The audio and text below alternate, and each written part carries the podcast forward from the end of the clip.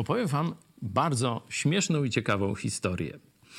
E, ktoś, kiedy dostaje wyrok sądu, no to szczególnie jeśli tam jeszcze musi jakieś roboty przymusowe i tak dalej, no to wszyscy myślą, o zły człowiek, jakoś się tam śmieją, naigrywają i tak dalej. Byłem w Czechach i opowiem wam dialog dwóch pastorów.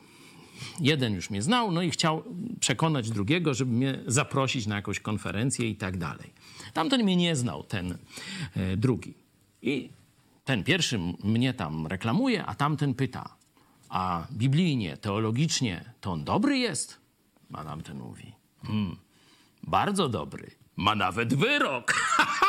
Zobaczcie, że wśród porządnych ludzi to wyrok katokomuny jest nobilitacją.